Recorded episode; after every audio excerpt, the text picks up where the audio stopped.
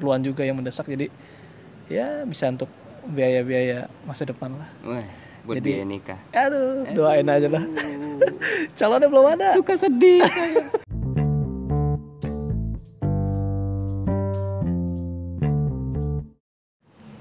Vel. Yoi, Feb. gue pengen cerita nih. Gimana jadi uh, kan gue lagi investasi emas nih. Hmm. terus ternyata dalam waktu jangka tiga bulan lah gue baru tiga bulan gitu investasi di bidang emas itu udah ada cukup apa ya hasilnya gitu ada kenaikan lah Hmm. cuman gue belum bisa ngitung kenaikannya berapa karena kan uh, ya gue juga gak mau nyebutin nominalnya tapi lumayan gitu dalam tiga bulan ini artinya udah ada peningkatan gitu Oke. Nah, eh, sebenarnya apa ya? Gue pengen investasi kan karena di satu sisi kita juga nggak bisa ngandelin dari eh, Gaji. gaji Benar, benar. dan apa dan kalau kita nabung di bank pun inflasi juga kan lama-lama naik Hmm, gitu kan Benar. dan otomatis juga nanti ada kepotong apa ada potongan-potongan yang itu justru malah habis itu kan tabungan yang ada gitu dan makanya kenapa gue pilih emas karena risikonya kecil dan kemungkinan ada apa naik itu ada gitu nah terus ternyata nih ada fakta atau ada hasil riset gitu yang gue baca jadi dari 64,3 juta jiwa eh, milenial Hmm. itu hanya 1,6 juta jiwa yang punya kesadaran untuk berinvestasi. Waduh, salah satunya gue kayaknya tuh. Ntar dulu, gue sebelum nanya ke lu apakah uh, lu juga investasi, tapi ternyata nih menurut uh, survei juga yang dilakukan IDN Research Institute Hmm. itu tuh uh, dari 1,6 juta jiwa milenial itu yang investasi mereka cuma menabung atau investasi itu sekitar 10,7% dari tabungan atau dari penghasilan mereka. Hmm. Nah, sisanya kayak 51% sekian tuh udah untuk kebutuhan bulanan gitu. Hmm.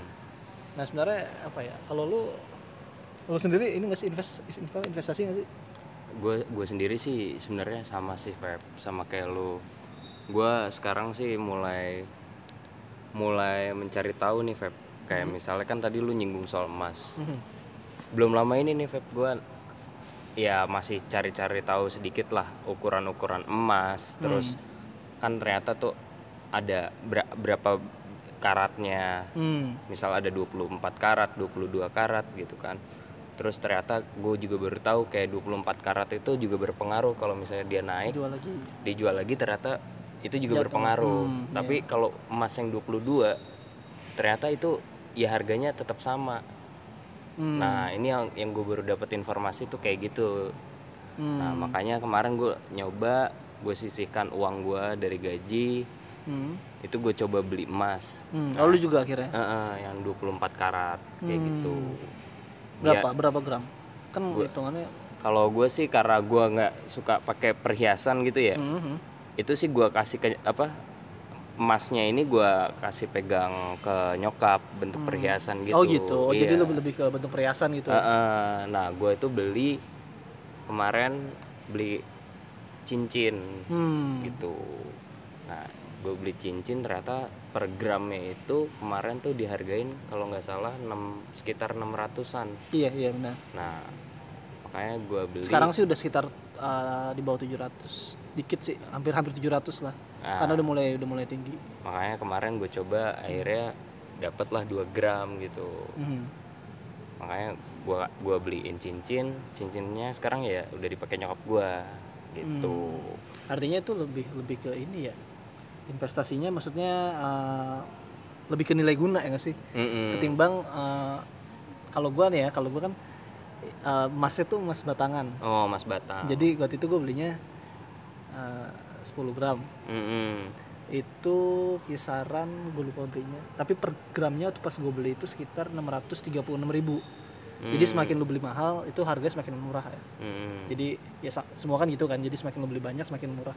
Jadi sebenarnya kalau kalau hitungan normalnya kan 6 juta 300 sekian. Kalau lu beli 10 apa kalau hitungan normal gitu. Tapi karena hitungannya gue beli 10 gram jadi itu lebih lebih murah. Dan sekarang kalau gua cek buybacknya itu tuh sekitar nggak lupa hampir 7 juta udah hampir 7 juta artinya gue selama gue selama gue investasi selama tiga bulan ini itu tuh udah ada kenaikan sekitar Sekitar eh, enam enggak enggak enam ratus lima ratusan Hmm, itu kan lumayan, banget kan buat lumayan banget jangka kan? pendek iya tabungan.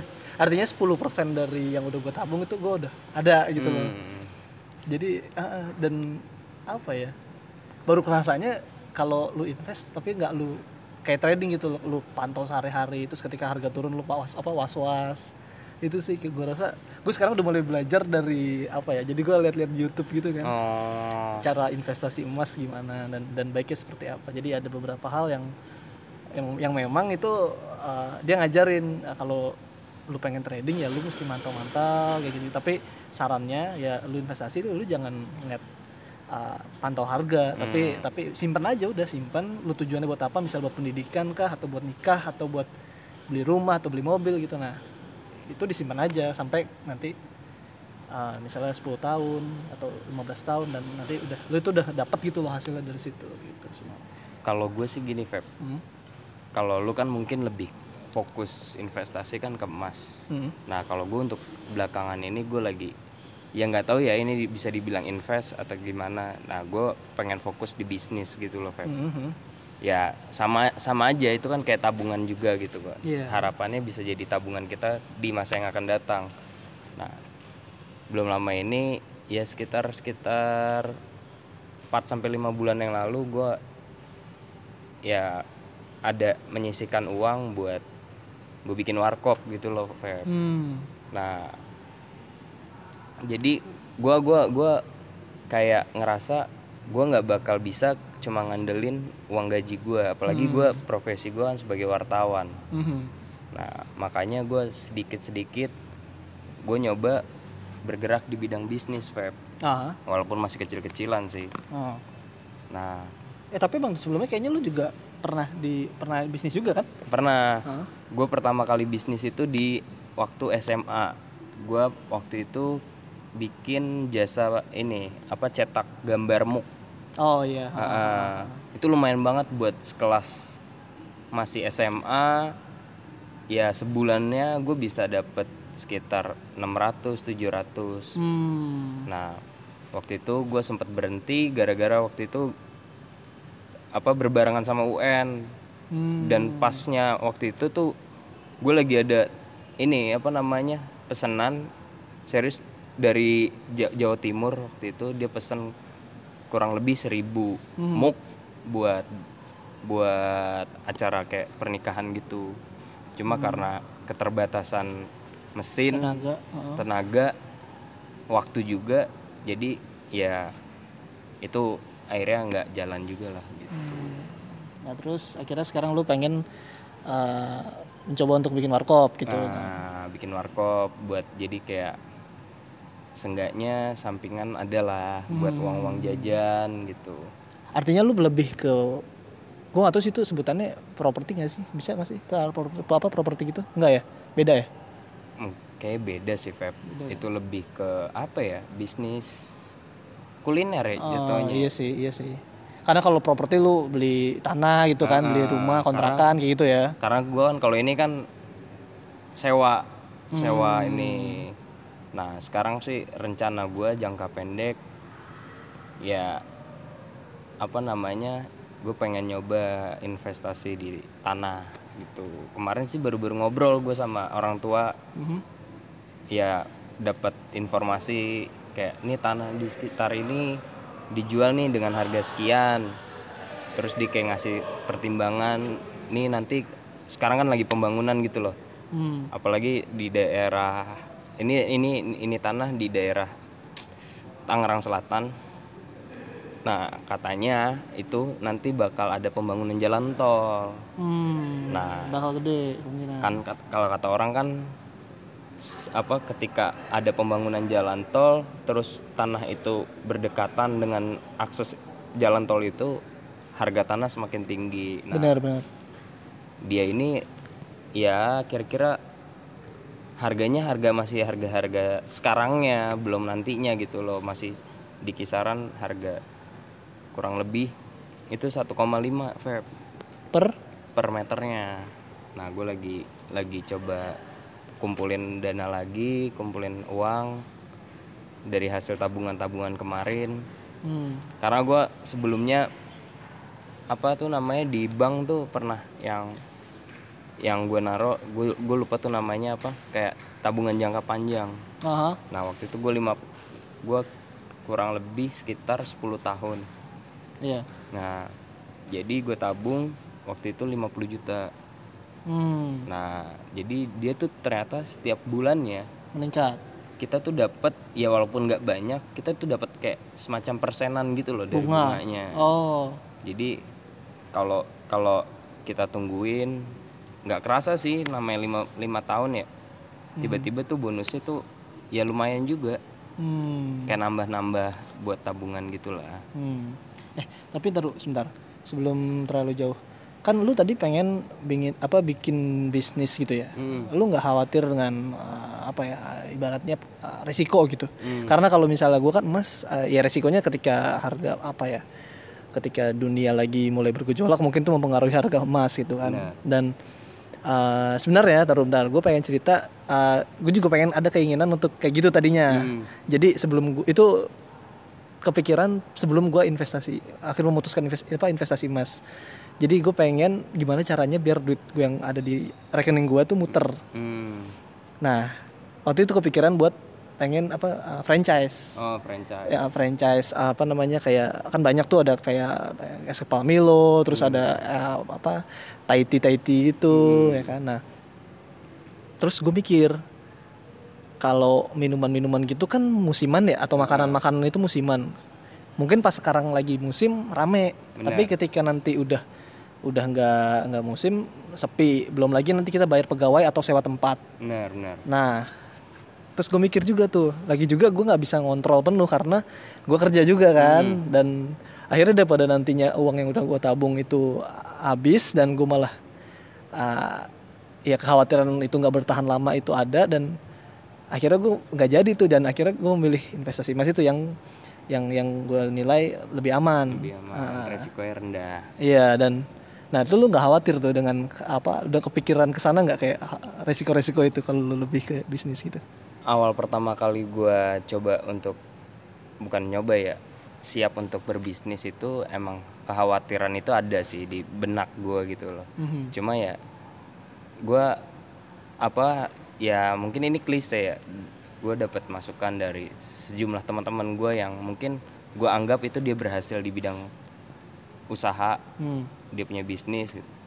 ketika lu udah siap semuanya lu udah mateng ya lu harus jalan terus Hmm. resiko pasti ada tapi Iya, ya semua usaha itu pasti ada naik dan turunnya iya. Iya dan lu harus siap dengan itu nah gue Hmm. akhirnya coba buat siap semua manajemennya jadi ini mungkin juga buat saran lu juga Feb mungkin kalau Hmm. pengen bisnis karena gue udah mungkin ada beberapa kali mencoba bisnis yang pertama matangin dulu nih Feb Hmm. konsepnya kenapa akhirnya gue membuat warkop?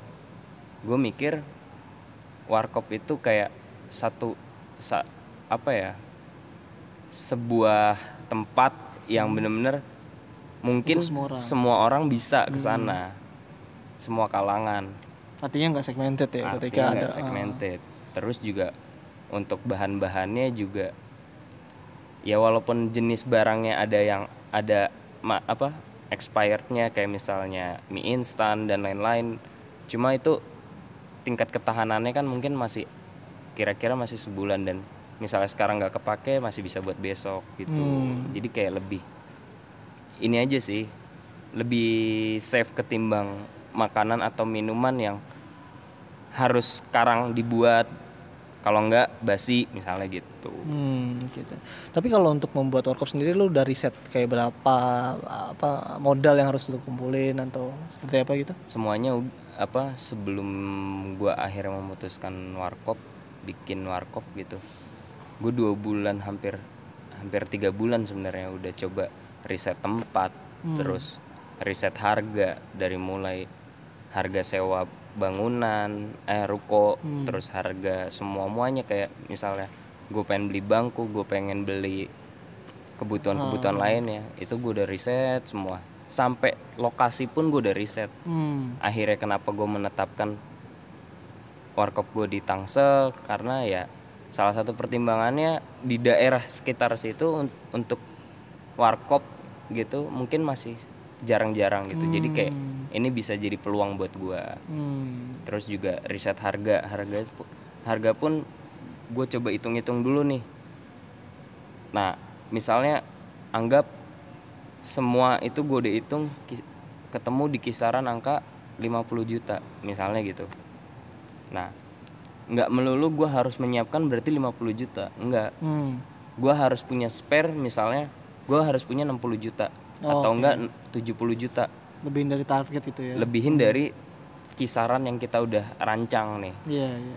sewaktu-waktu kira-kira harga bisa berubah kedua buat kebutuhan yang nggak tahu tiba-tiba akan ada gitu Iya. terus ke- ketiga ya buat save di tabungan lu sendiri karena yang namanya awal-awal buat bikin usaha pasti kita harus siap mengeluarkan modal lebih lagi gitu Hmm. Nah, terus kan eh, kita balik lagi ke tema soal investasi. Terus apa ya? Ada salah satu lagi instrumen untuk investasi kan saham. benar Nah, kalau lu nggak tertarik tuh saham?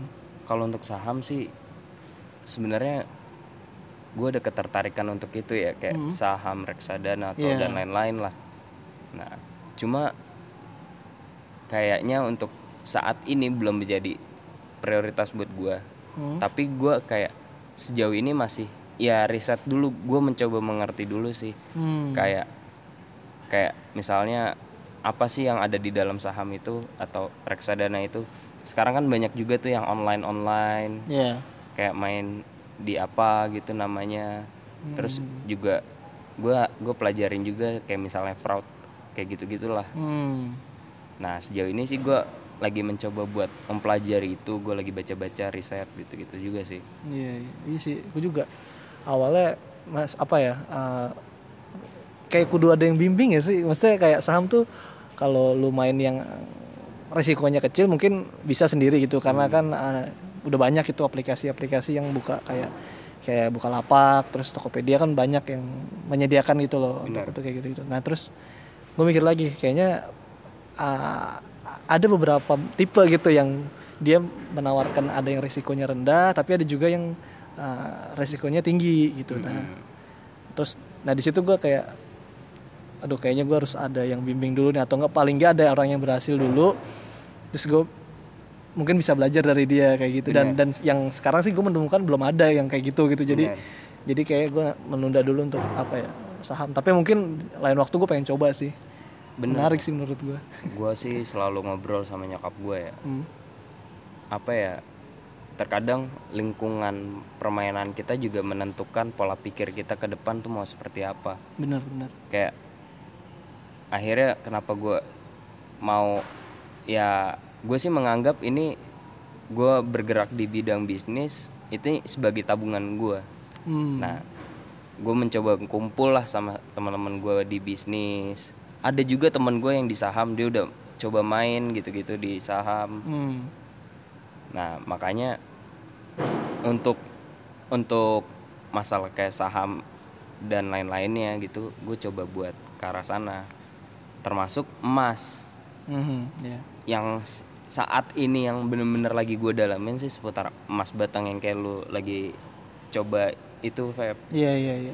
Bener sih. Mungkin bisa bisa jadi gue bisa belajar dari lu yang udah lebih dulu tahu Iya, tentang berapa gramnya gitu-gitulah. Bener-bener. Iya sih asli deh. Lu harus coba deh karena ya ibaratnya sayang kalau duit lu di tabungan doang terus nggak dibeliin berupa ya itu dilimpahin ke investasi emas atau apa karena sejujurnya gue pun memilih emas karena ya itu tadi risikonya kecil dan ternyata pas gue lihat perkembangannya dari gue beli sekian apa 600 sekian itu sekarang buybacknya gue lihat di simulasi kalau lu buka di logamulia.com tuh itu udah hampir 700 ribu sekarang dan ya gue kayak gila ya tiga bulan doang udah dapat segini loh gitu maksudnya dan gue belum belum ada niatan untuk menarik sih.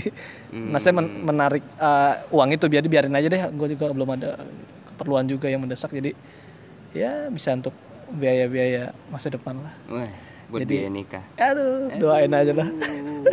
Calonnya belum ada. Suka sedih. Oke deh ya, ya apa ya, ya semoga sih ya apa uh, berdasarkan tadi kan riset kan masih banyak yang belum investasi itu dan jadi kesadaran kita juga ya teman-teman yang mungkin belum ada kesadaran untuk investasi dan ya emang susah sih memulainya ya karena untuk nabung aja kadang-kadang suka empot-empotan apalagi buat investasi mungkin ada yang mikir kayak gitu kan ya kan Tapi yang penting buat saran buat teman-teman semua yang pendengar pengantar tidur. ya Mulai dari sekarang apalagi seusia-usia kita misalnya umur-umur 20 sampai 30 lah kira-kira. Iya. Mulailah kita bener-bener uh, apa ya kayak kelola uang kita tuh bener-bener tahu buat ke mana-kemana arahnya jangan sampai uang kita habis gitu aja Iya, kerja bertahun-tahun ya kan. kerja bertahun-tahun nggak ada hasilnya Iya. Ini bukan menggurui ya, tapi ber- apa mengajak lah ya, mengajak Mengajak. teman-teman untuk ya udah kalau ada, ada apa rezeki lebih ya alangkah baiknya coba belajar ke apa investasi gitu. Apa pun lah, mau kayak tadi mau coba apa saham, emas, atau mau nabung untuk buat usaha itu bisnis Iya, tanah intinya untuk ke depan lah gitu. Apalagi kita nggak ada apa kayak PNS kan, uang uang-uang uang inian apa, namanya pensiun. Nah, Pensiun. iya kan nggak ada kan. Kayak gitu sih. Oke deh Vel, sukses buat warkopnya. siap terima Semoga kasih nanti gua bisa mampir-mampir terus ya kasbon lah dikit lah. Iya